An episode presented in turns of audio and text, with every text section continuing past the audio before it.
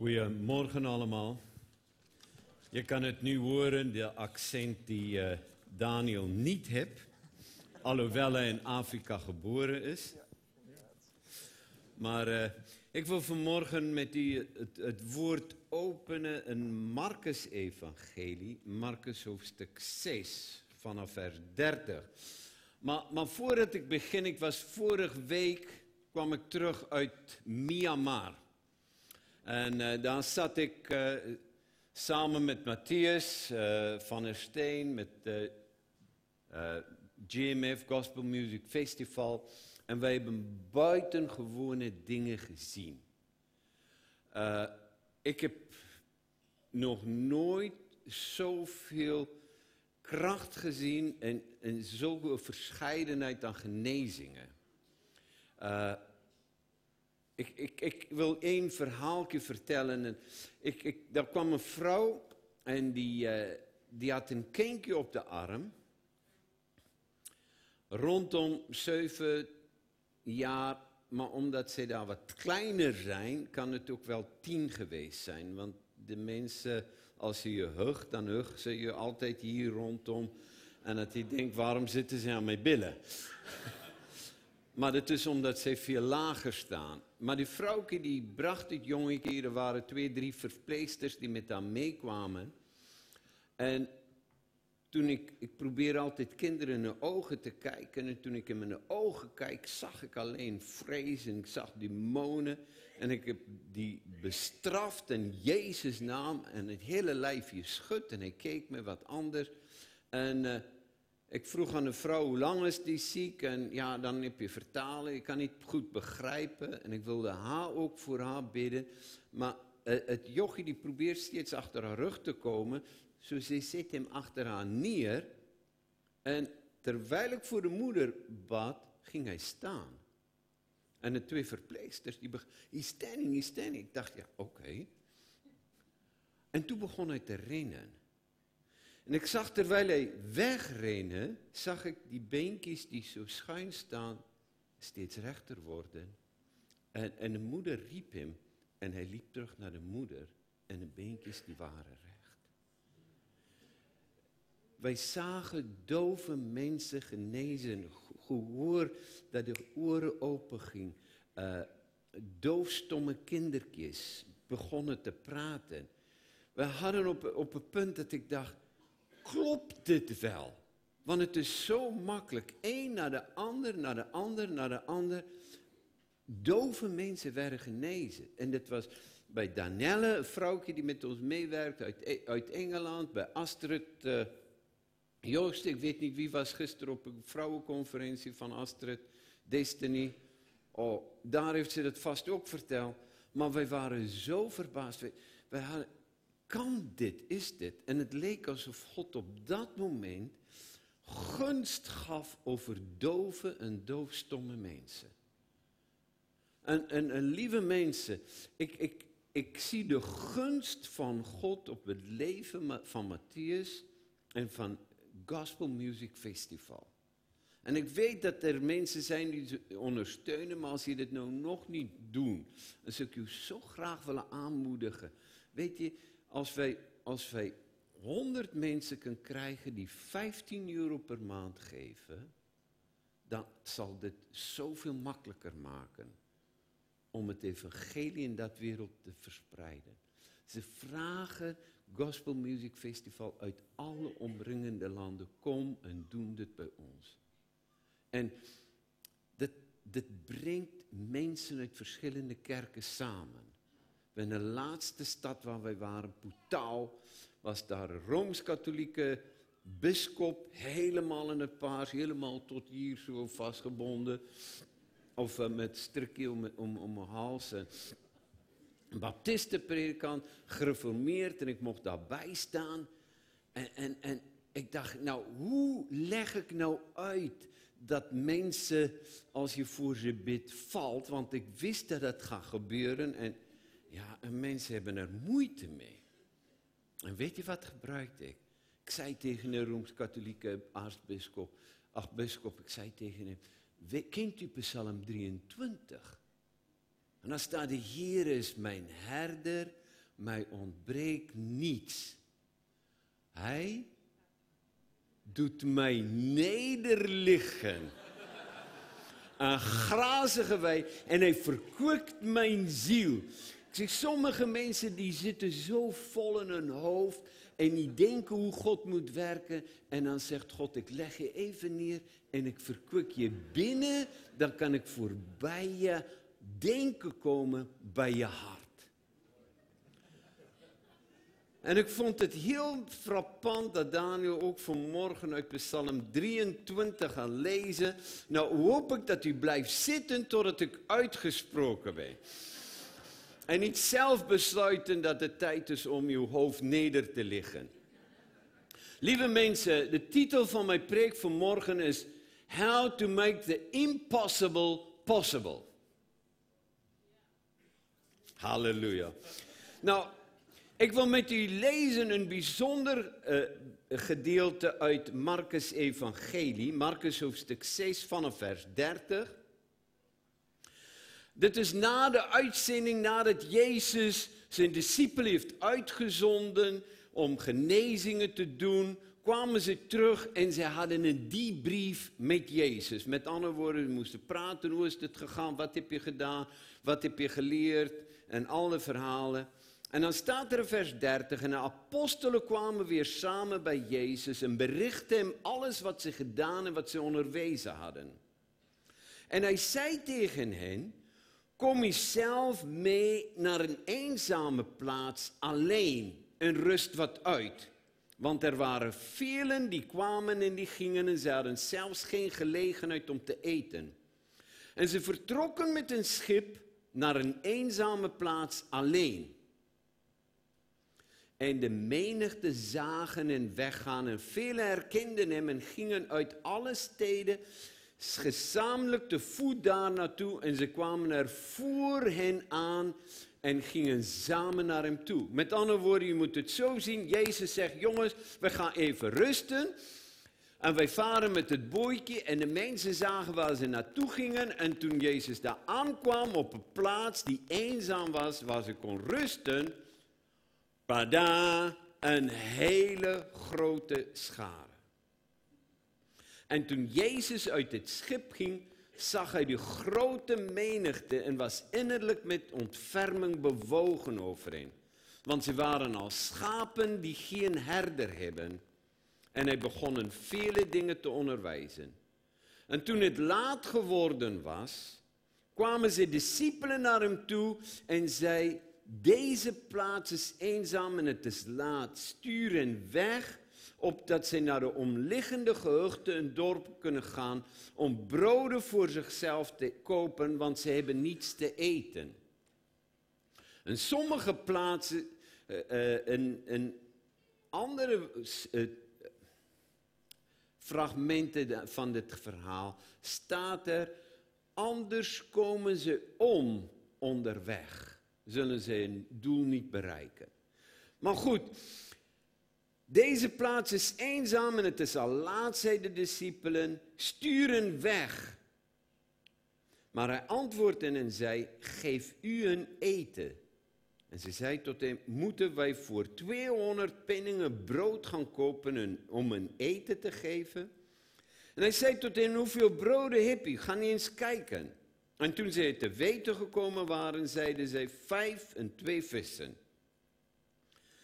Jezus droeg hen op om allen in groepen te laten zitten in het groene gras. En ze gingen zitten in groepen van honderd en van vijftig.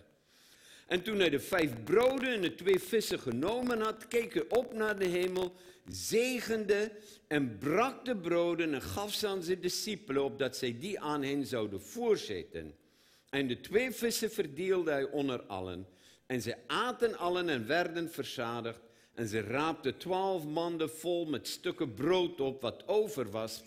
Een van de vissen. En eh, die de broden gegeten hadden, waren ongeveer vijfduizend mannen. Mijn vraag aan u is, wanneer vond die wonder plaats? Want wij lezen, Jezus nam de broden in zijn hand en hij keek op naar de hemel en hij bad.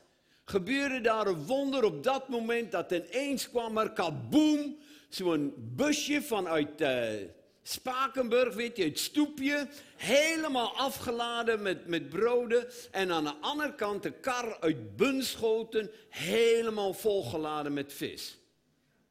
Want dat is de voorstelling die veel mensen hebben, hoe God wonderen doet. Maar, maar hoe gebeurde dat nou? En ik wil het eigenlijk aan je voorleggen. Voordoen hoe ik mij het voorstellen dat het ging gebeuren. Mag, mag ik jullie twee vragen? Kom maar, maar, hier staan hier voor. En dan wil ik nog, nog een aantal discipelen hebben. Ja? Kunnen, mag ik jou vragen, Pieter, en de rij achter je, en nog de rij achter. En uh, hier ook een aantal, jullie, jullie drie, die zitten er mooi. Hoeveel hebben wij dan? Twee, vier, zes, acht. Waar is Johanna? Ze was nu niet nog hier. Een brood alles. Twee, vier, zes, acht, tien. Dan heb ik nog twee nodig. Mag ik die twee broeders? Dat hoop ik. Oké, nou, ik, ik, ik ben niet goed altijd met woorden, ik, ik denk in beelden. Broeders, kom erbij zitten. Hoe deed Jezus dat? Ik, ik, ik ga niet alle, alle discipelen namen geven, maar als jij hier komt en jij staat hier, jij bent Peter, uh, niet, nee, Thomas. Thomas. U weet wie Thomas is? Nou, ik denk dat je zo moet gaan staan, want ik stel me het zo voor dat Jezus liep en dat brood van toen is bijna iets zoals chapatis. Dat zijn kleine broodjes, slap, die gehouden worden. En dan staat er twee visjes. Maar wie Johannes evangelie leest, in het Grieks zal verbaasd zijn, want wie weet wat het woord voor vis in Grieks is. Wie kent het woord? Ichtes. Dat woord wordt niet gebruikt. Er wordt een ander woord gebruikt. Een woord die je bijna kan vertalen met vispasta of vismeer, zure vis. Met andere woorden, dit was klein en je kon het ruiken op afstand. En ze aten het op brood. En hoe ik dit mij zo voorstellen, is dat de discipelen stonden met twee handen zo en dat Jezus kwam en hij brak het brood en hij begon het zo uit te delen. En Thomas, die kijkt naar de handen van Jezus en de visjes en hij gaat het niet worden, hoor ik hem al zeggen. En, en Jezus was hier bezig en hij brak het brood. En hij brak het brood en hij legde het in de handen van de mensen. En Thomas kijken. En hij brak het brood. En hij brak het brood en Thomas, oh jee. En hij brak het brood. En hij brak het brood. En hij komt bij Thomas. En Thomas zegt, wow. Hoe is dat gebeurd? En Jezus gaf hen de opdracht: ga en doe precies hetzelfde. Ga en deel het uit. En zo gingen zij naar de eerste groep van 50 en naar de 100. En ze deelden het uit en er was genoeg. Wanneer gebeurde de wonder? Toen de discipelen wat ze ontvangen hadden uit de handen van Jezus ging uitdelen. Oké, zijn het niet geweldige discipelen? Dank je wel. Dank je wel, Thomas. Maar lieve mensen, ik, ik wil met u gaan kijken naar het verhaal. Want het is allemaal goed om dit zo te weten, maar hier is meer aan de hand. Eerste staat er dat Jezus trok zich terug naar een eenzame plaats. En hij wilde dat de discipelen tot rust komen voor een die brief. En dan ineens is daar die enorme schare. Als je Johannes evangelie leest, Johannes 6 vers 6, dan staat het dat Jezus wilde Filippus op de proef stellen. En hij vroeg hem, waar halen wij brood om al deze mensen te eten te geven? Wat zit er nog in dit verhaal? Als je het goed leest, dan staat er iedere keer de schare was rondom 5000 mannen. Matthäus evangelie zegt, de mannen die ze geteld hebben waren 5000. Mijn vraag is, hoeveel mensen waren er? Wat denk je? Mijn ervaring met, met gemeenten, met bewegingen, met kerken, als ik zo kijk, ook vanmorgen hier, is dat er altijd meer vrouwen en kinderen zijn dan mannen. Zo om hoeveel mensen ging dit in het verhaal? Wie wil me helpen? Wat denk je? Drie keer zoveel. Met andere woorden, 12.000 tot 15.000 mensen. Wauw. Dan wordt de wonder toch steeds groter. Maar Jezus zei dat om de discipelen op de proef te stellen. En weet je, het grappige is dat de discipelen waren moe. De discipelen waren aan het eind van hun krachten. De discipelen die werd door Jezus uitgenodigd om even tot rust te komen en een verhaal te vertellen en van ze af te praten. En dan op die eenzame plaats, dan zeggen ze, Jezus, joh, zeggen de mensen, ze moeten wieberen. Ja, ze zagen het niet meer zitten. En wat Jezus dan doet, is de discipelen zegt, stuurt de mensen weg. Ze hebben honger. En Jezus kijkt om en hij zegt, geef jullie ze te eten. En Filippus kijkt en hij zegt, 200 zilverstukken. Met andere woorden, een hele jaar salaris zal niet genoeg zijn om die mensen te voeden. Andreas, heel bijzondere man, hij brengt altijd mensen bij Jezus, staat er in Johannes Evangelie. Andreas zegt, hier, hier is een knaap. En hij heeft vijf broden, gerstenbroden, en dan van dat vis. Nou, ik dacht altijd, mijn beeld was altijd de kleine jochie die met de lunchpakket van zijn moeder meegingen met, met de scharen. Maar hoe meer ik dit lees en hoe meer ik daarna kijk, de woorden die Johannes gebruikt, dan heb ik bijna de vermoeden dat het om een tiener gaat om de woorden die Johannes gebruikt.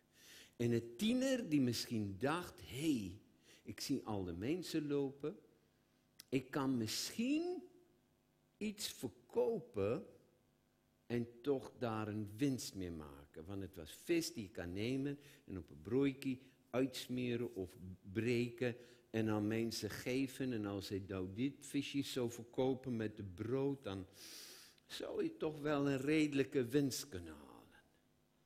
En ook omdat er de woorden die gebruikt werd. Maar hij had gerstebrood. En dat is niet het normale. Gerstebrood, en als Johannes gerstebrood gebruikt, dan, dan noemt hij dat en het is eigenlijk armans eten. Dat betekent niet dat het armoedig eten is. Net zoals bruine bonen. Uh, wie is dat jochie uit Drenthe die, die bad niet meer voor bruine bonen? Dat is niet omdat het slecht eten is, maar uh, arme mensen die aten het altijd.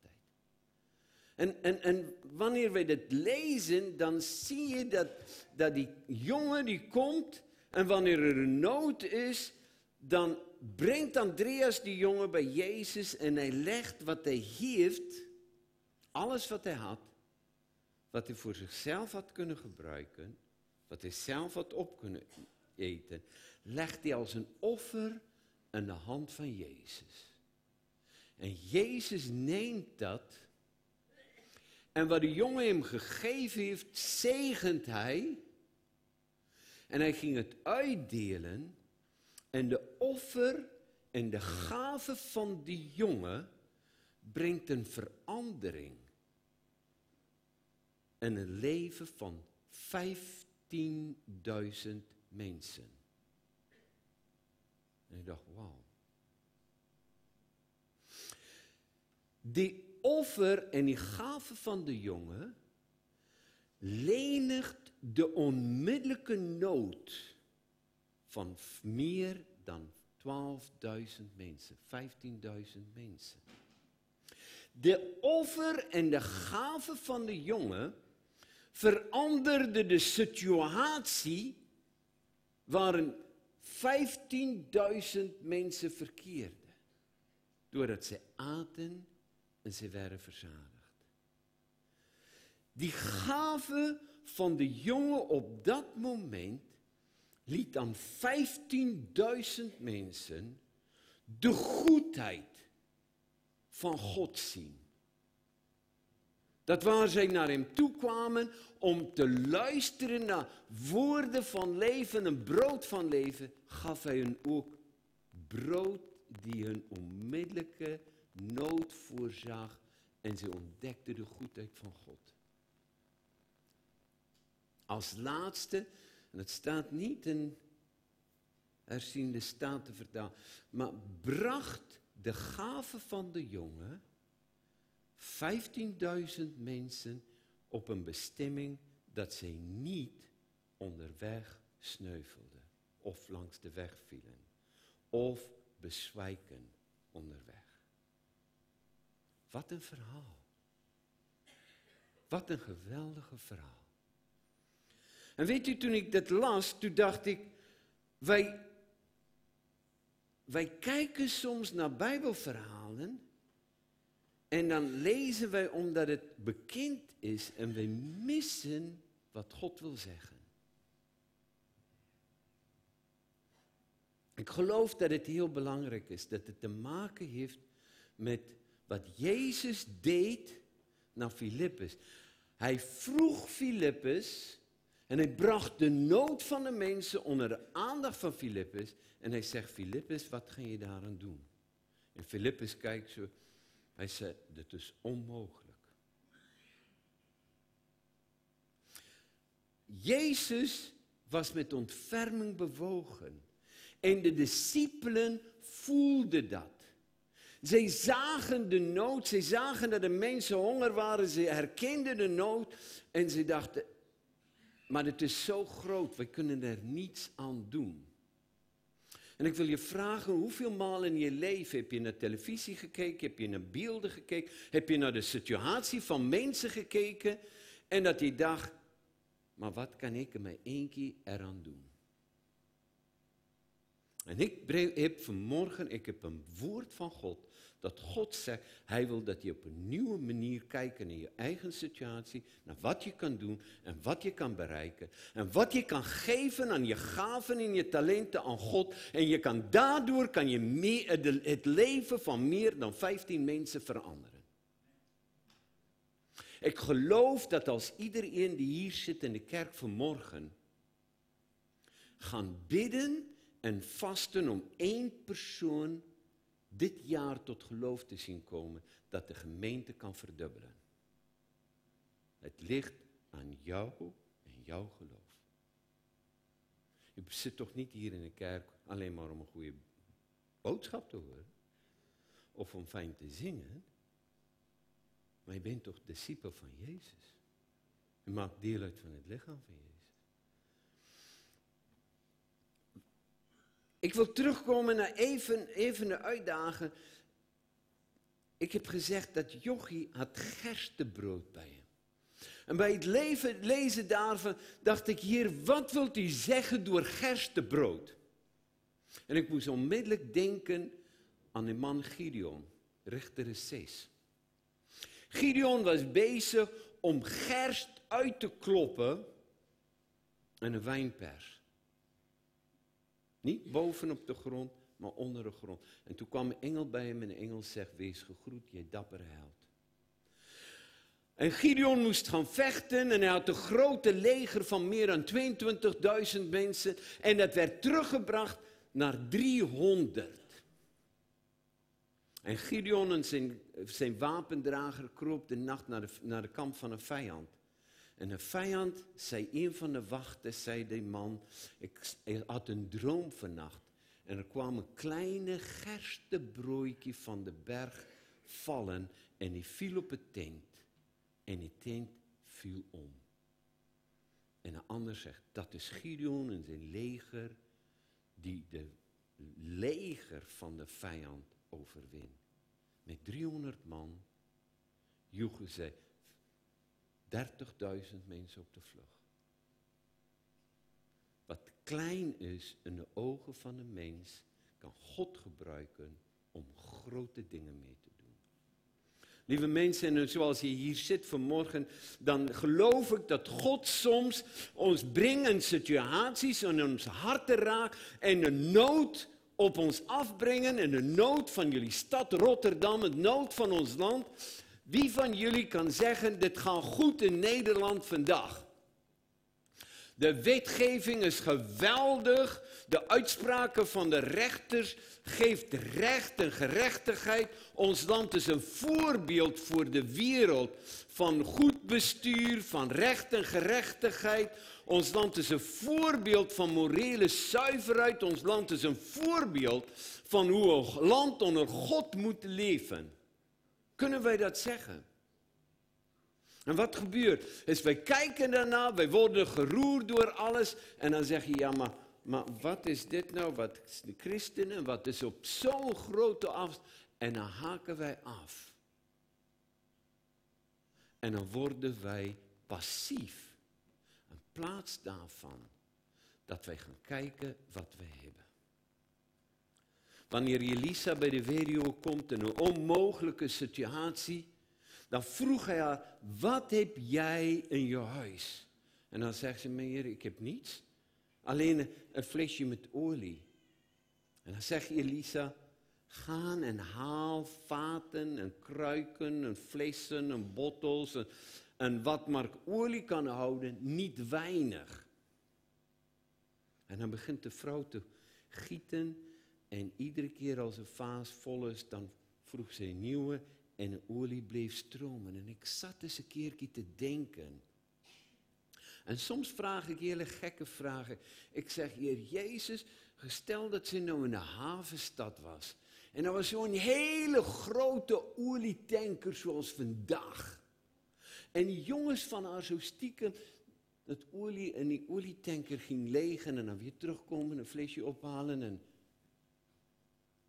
Wanneer wanneer sou die olie stoppe? En weet jy ek het 'n gevoel in my hart dat God sê al het hy daar 20 olietankers neergeset, was dit olie bly vervloei en dit sou tot vandag doorgaan met vloei. Dit werd alleen gehinderd deur 'n gebrek aan vaten om olie te hou. Maar dit is 'n hele ander preek. Maar ik, ik, ik wil een voorbeeld gebruiken. Ik wil je uitdagen vandaag en vragen, wat voor gaven, wat voor talenten, wat voor mogelijkheden heb jij in je eigen huis? Wat heb jij van God gekregen? Waarin ben je de afgelopen tijd door God enorm aangeraakt, enorm door aangesproken van, oh Heer, ik zie de nood en er moet wat gebeuren. Wat ik zie is dat de jongen kwam en hij gaf alles wat hij op dat moment had, gaf hij in de handen van Jezus. En, en weet je, ik heb iets geleerd over geven. Als je zo doen en vasthouden wat je hebt, dan kan je nooit van God ontvangen. Is eerst als je loslaat en open doen, dat God je hand weer kan vullen. Die jongen kwam en hij bracht alles wat hij had. Die jongen zelf had nood. Die jongen zelf had niet genoeg eten. Die jongen zelf die moest teruglopen van een plek die afgelegen is. Die jongen zelf had honger, maar hij bracht zijn gave en hij gaf het aan Jezus. En hij, hij gaf het op zo'n manier dat Jezus het kon gebruiken. Hij legde het in de handen van Jezus. Jezus gaf het in de handen van zijn vader en begon het uit te delen. En zo kan God ook wat jij in jouw handen heeft gebruiken om meer dan 12.000 mensen, 15.000 mensen, de acute nood te lenigen. Zoals je hier bent vanmorgen. Ik geloof dat God jou kan gebruiken om de situatie, de onmogelijke situatie waarin meer dan 15.000 mensen verkeren, te kunnen veranderen. Ik geloof dat God jou kan gebruiken om voor meer dan 15.000 mensen te tonen dat God om ze geeft en dat hij een goede God is. En ik geloof op grond van dit verhaal dat God je wil uitdagen en dat hij jou wil gebruiken om meer dan 15.000 mensen te helpen op een bestemming te komen en niet langs de weg te bezwijken. Maar de vraag is, ben jij bereid ben jij bereid en gewillig om dat wat je hebt in de handen van God te geven? Er moet een stuk bekering van komen. Van niet kijken naar nood en terugdenken. Ja, maar wie ben ik en wat heb ik nou? Ach, ik kan er toch niets doen. Ja, wegsturen. De discipelen waren moe. Jezus wist dat ze moe waren. De discipelen die hadden al heel veel, ze moesten een verhaal kwijt. Jezus wist dat ze een verhaal kwijt moesten. Maar ze kwamen in een situatie met zoveel die op ze afkwamen. En Jezus zei tegen hen, wat ga jij hieromtrent doen? En er kwam een jochie, een tiener. En Jezus gebruikte de gave en de offer wat de tiener bracht om de situatie van meer dan 15.000 mensen te veranderen. Gebruikte de gave en offer van tiener om de nood te lenigen van meer dan 15.000 mensen. Hij gebruikte de gave en offer van een tiener om de goedheid van God te tonen in de levens van meer dan 15.000 mensen. En hij hielp 15.000 mensen om een bestemming te bereiken door de gave en offer van een tiener. Ik wil je vragen vanmorgen hier. Ben jij bereid om te zeggen, Heer, ik wil dit wat ik heb niet vasthouden voor mezelf. Die gaven en talenten die u mij gegeven hebt. Niet kijken naar situaties, al zijn ze onmogelijk. Maar ik wil geloof ontvangen om dit wat ik heb te gebruiken op welke manier u ook maar wilt. Ik wil dit in uw hand leggen. Wil je daarop reageren vanmorgen? En als je je aangesproken voelt door dit preek, wil ik je nodig om naar voren te komen. En ik wil bidden dat God je met nieuwe ogen zal salven, dat je kan kijken om de mogelijkheden te zien wat er is in het geloof. Amen.